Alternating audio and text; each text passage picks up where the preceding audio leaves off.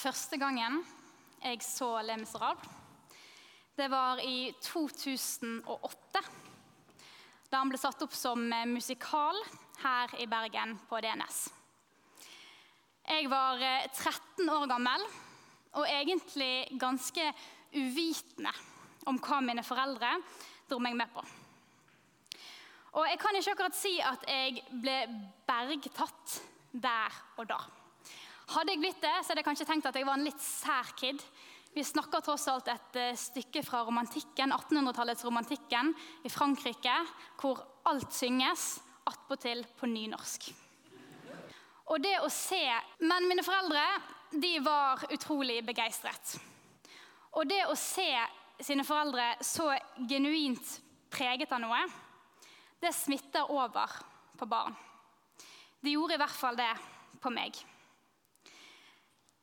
Men lite ante jeg da jeg skulle se stykket for første gang, at i løpet av de neste ti årene så skulle jeg se musikalen et tosifret antall ganger.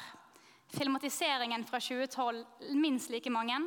Og dedikere min første og eneste tatovering til et av hovedsitatene i musikalen. Så da det ble snakk om å ha en Le Miserable-gudstjeneste her i St. Jakob, så tror jeg faktisk jeg, jeg hadde vært villig til å slåss for å få være med og utforme den. Ok, Så nå som mitt etos er liksom etablert, da kan vi gå videre. For de som ikke kjenner til historien fra før av, så handler det altså om en mann med navn Jean Valjean som tidlig i livet blir dømt til 20 års fengsel for å ha stjålet et brød for å gi til sin søster og niese som holdt på å sulte. Vi befinner oss i Frankrike på begynnelsen av 1800-tallet, etter den franske revolusjonen og etter napoleonskrigene. Kampen for frihet, likhet og brorskap hadde ikke ført til de store endringene i landet og for arbeiderklassen som de hadde håpet.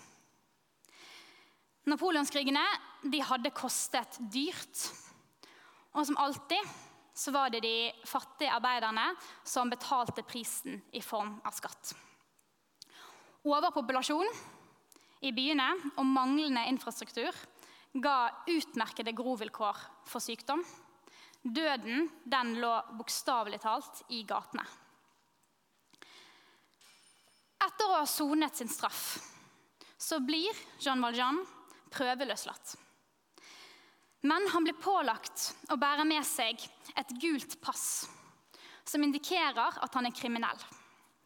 Noe som gjør det utrolig vanskelig å få jobb, i det hele tatt et liv utenfor fengselsmurene. En kveld så, ber, eh, så får Jean Valjean husrom hos en biskop, biskop Myriel. Han tar han inn han gir han mat, en seng. Men på natten så stjeler Jean Valjean store mengder sølv fra biskopen og stikker av. Men han blir tatt av politiet og fraktet tilbake for å møte biskopen. Og det er her omdreiningspunktet i historien finner sted. Og vi får det første av tre møter som jeg ønsker å si noe om i dag. Biskopen sin respons på at John Valjean har stjålet, er nemlig så annerledes og uventet at det endrer Valjean sitt liv. Spurt av politiet hvordan biskopen ønsker å straffe Valjean for det han har gjort, så svarer biskopen at sølvet det er ikke stjålet. Det var en gave. Og I tillegg så glemte du de fineste. To flotte, store sølvlysestaker. You must use this precious silver to become an honest man. Lyder biskopen sine siste ord til Vajan før de forlater hverandre. Å få nåde, det er å få noe gratis, ufortjent. Ikke pga. noe du har gjort, til og med på tross av ting du har gjort. Denne uken så hørte jeg på podkasten Drivkraft, hvor hypokonderlege eh, Ingvald Wilhelmsen ble intervjuet. En utrolig bra episode som jeg anbefaler alle å høre. Og Wilhelmsen han snakker mye mye med mennesker som sliter med at akkurat de er rammet av sykdom. Eller mennesker som tenker at eh, de kommer til å dø av kreft selv om de er helt friske, fordi de har, har det for seg at de tilhører de uheldige. Tenk om vi levde i en verden hvor alle fikk som fortjent. Skulle tatt seg ut, sier Wilhelmsen. Det, det ville betydd at alle var skyld i sine egne sykdommer og elendighet.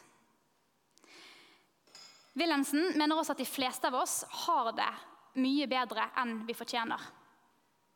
Det mangler ikke på eksempler på dårlige ting vi gjør, dårlige valg, eller gode ting vi unnlater å gjøre, uten at det får de store konsekvensene for livene våre.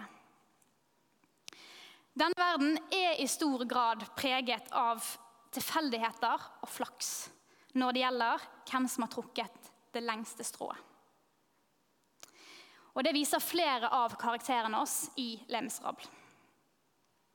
Vi kan snakke om urettferdighet, men det er heller ikke rettferdig at Jean Valjean får disse sølvlysestakene etter at han har stjålet. Det er derfor dette med nåde er så vanskelig for oss å forstå. Det strider liksom imot vår natur. Og det kan til og med oppleves ganske ydmykende. I hvert fall hvis du vet at du har gjort noe galt. Men like ofte så er det vanskelige med det å få nåde, å innrømme overfor oss selv eller for andre at vi har trådd feil. Da er det mye lettere å skylde på andre eller å skylde på omstendigheter.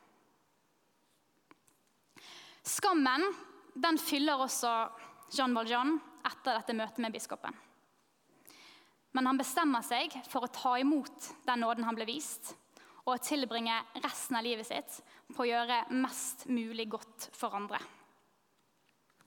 Han river opp det gule passet som han har båret med seg, for nå er han virkelig fri. Men det finnes en mann som ikke anser Jean Valjean som en fri mann. Javert. Javert var fengselsvakt da Valjean sonet. Og Siden blir han politiinspektør. Han har fått nyss i at Valjean har brutt prøveløslatelsen og får i oppdrag å finne han og bure han inne. Et oppdrag som ender opp med å bli en besettelse for Javert. Forholdet mellom Javert og Jean Valjean er det andre møtet jeg vil si noe om.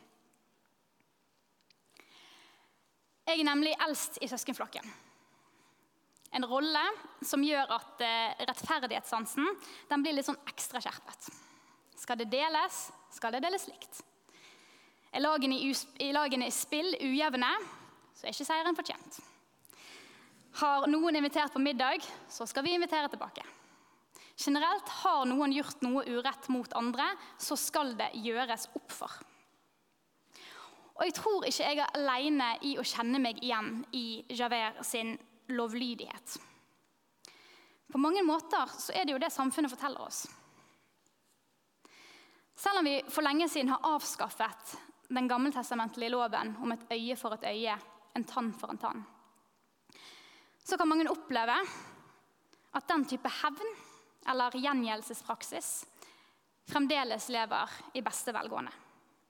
Det er bare å tilbringe litt tid med 15-åringer, som jeg ofte gjør, og høre hvordan de har et helt sosialt rettssystem som trer i kraft dersom noen krangler over den samme gutten, eller noen har krenket noen i vennegjengen. Så har vi jo dette med cancel culture, som har vokst fram de siste årene. Og Jeg skal ikke gå så mye inn på akkurat det, men jeg synes det er fascinerende. En fascinerende greie som ligner litt på en sånn renhetstanke man finner i de fleste religioner. hvor de som ikke holder seg innenfor det gruppen har bestemt som riktig eller rent, de blir kastet ut, kansellert. Og skal de bli tatt inn igjen, så er det ikke lite de må gjennomgå for å igjen bli regnet som rene. Det kan være et ganske nådeløst samfunn som vi lever i om dagen. Jeg tror ikke Javert hadde hatt store problemer med å finne sin plass. Å gi nåde, det er det vi alle utfordres på. Men å gi nåde det er utrolig vanskelig om du ikke selv har opplevd å få den. Jean Valjean ble vist nåde av biskopen. Derfor klarer han å gi han videre. Om Javert så vet vi at han ble født i fengsel, og at han hele livet har levd etter prinsippet om at alle må velge mellom rett og galt. Og har du først valgt galt, så er det for alltid definerende for den du er. Mot slutten av fortellingen så får Jean Valjean en mulighet til å ta hevn, til å drepe Javert, som er tatt til fange. Men han velger heller å løslate han. Denne hendelsen den blir så mye for Javert. Det å bli vist nåde på denne måten, det å få en ny sjanse, han som aldri ga noen andre en ny sjanse, den blir så mye at han velger å ende sitt eget liv.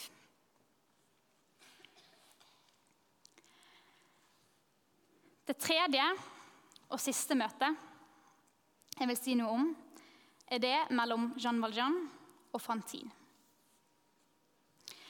Fantine er en ung kvinne som ikke har blitt vist mye nåde i livet. Den store kjærligheten forlot hun etter at han gjorde henne gravid, og knuste dermed alle drømmer om en fremtid i 1800-tallets Frankrike. Hun ble tvunget til å prostituere seg for å tjene nok til å betale for datteren Cosette, som bor hos familien til Nanier. Når Fantine møter Jean Valjean, så er han blitt ordfører i byen og en vellykket forretningsmann. Hun er på sitt absolutte bunnpunkt. Og hun roper etter hjelp. Hun roper etter nåde med det lille hun har igjen å gi kun morsinstinktet som holder henne gående.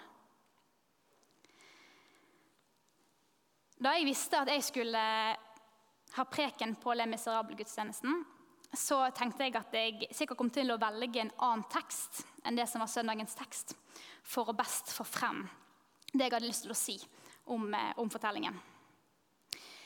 Men så bestemte jeg meg for å ta en titt på søndagens tekst likevel. Og det ga rett og slett en ganske Litt sånn slående opplevelse. La oss lytte til dagens evangelietekst.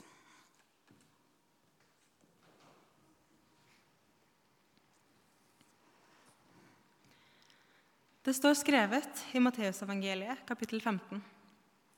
Så dro Jesus derfra og tok veien til områdene omkring Tyros og Sidon. En kanoneisk kvinne fra disse traktene kom og ropte. Herre, du Davids sønn, ha barmhjertighet med meg. Datteren min ble plaget, hardt plaget av en ond ånd, men han svarte henne ikke et ord. Disiplene kom da og ba ham, bli ferdig med henne, hun roper etter oss. Men han svarte, jeg er ikke sendt til andre enn de bortkomne sauene i Israels hus. Da kom hun og kastet seg ned for ham og sa, Herre, hjelp meg. Han svarte, det er ikke rett å ta brødet fra barna og gi det til hundene. Det er sant, herre, sa kvinnen. Men hundene spiser jo smulene som faller fra bordet hos eierne deres. Da sa Jesus til henne, Kvinne, din tro er stor. Det skal bli som du vil. Og datteren ble frisk fra samme stund. Slik lyder det hellige evangelium. Det er mye som kan sies om denne teksten. Og det får jeg faktisk anledning til på onsdag på 8. mars-gudstjenesten i Johanneskirken, hvor jeg skal holde preken, Så de som eh, ønsker å høre en preken mer litt sånn inngående i akkurat denne teksten, kan komme da. Men parallellen mellom den kanoneiske kvinnen som roper etter Jesus, etter hjelp, på å få spise bare smulene som faller fra bordet, i håp om å redde sitt barn. Den er så påfallende lik Fantin, som roper etter Jean Valjean, at jeg måtte ha det med. Å be om nåde, det er vårt utgangspunkt som mennesker. Igjen så synes jeg at eh, Wilhelmsen får sagt det. Kun ved å erkjenne vår egentlige livssituasjon, at vi alene er hjelpeløse, avhengig av noe utenfor oss selv, kan vi møte livets utfordringer. Fantin står frem som et stort forbilde for oss i det hun minner oss om at sann styrke, det er å vise svakhet og å be om nåde. Ved hjelp av tre ulike menneskemøter i Lemserad så har jeg forsøkt å belyse tre sider ved nåde. Å få, å gi og be om.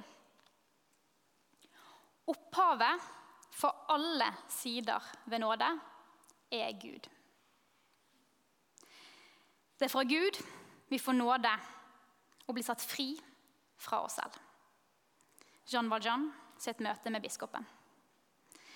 Det er Gud som ved sin hellige ånd jobber i oss så vi evner å gi nåden videre. Jean Valjean som velger å berge Javert sitt liv når han får muligheten. Og det er Gud som vi kan komme til og be om nåde. Legge alt over på når vi ikke får det til selv, når vi ikke orker mer. Som Fantin. Eller den kanadiske kvinnen som ber Jean Valjean eller Jesus om å få noe ufortjent, i tillit til at Gud alltid svarer den som ber. Ære være Faderen, Sønnen og Den hellige ånd, som var, er og være skal. En sann Gud, fra evighet til evighet. Amen.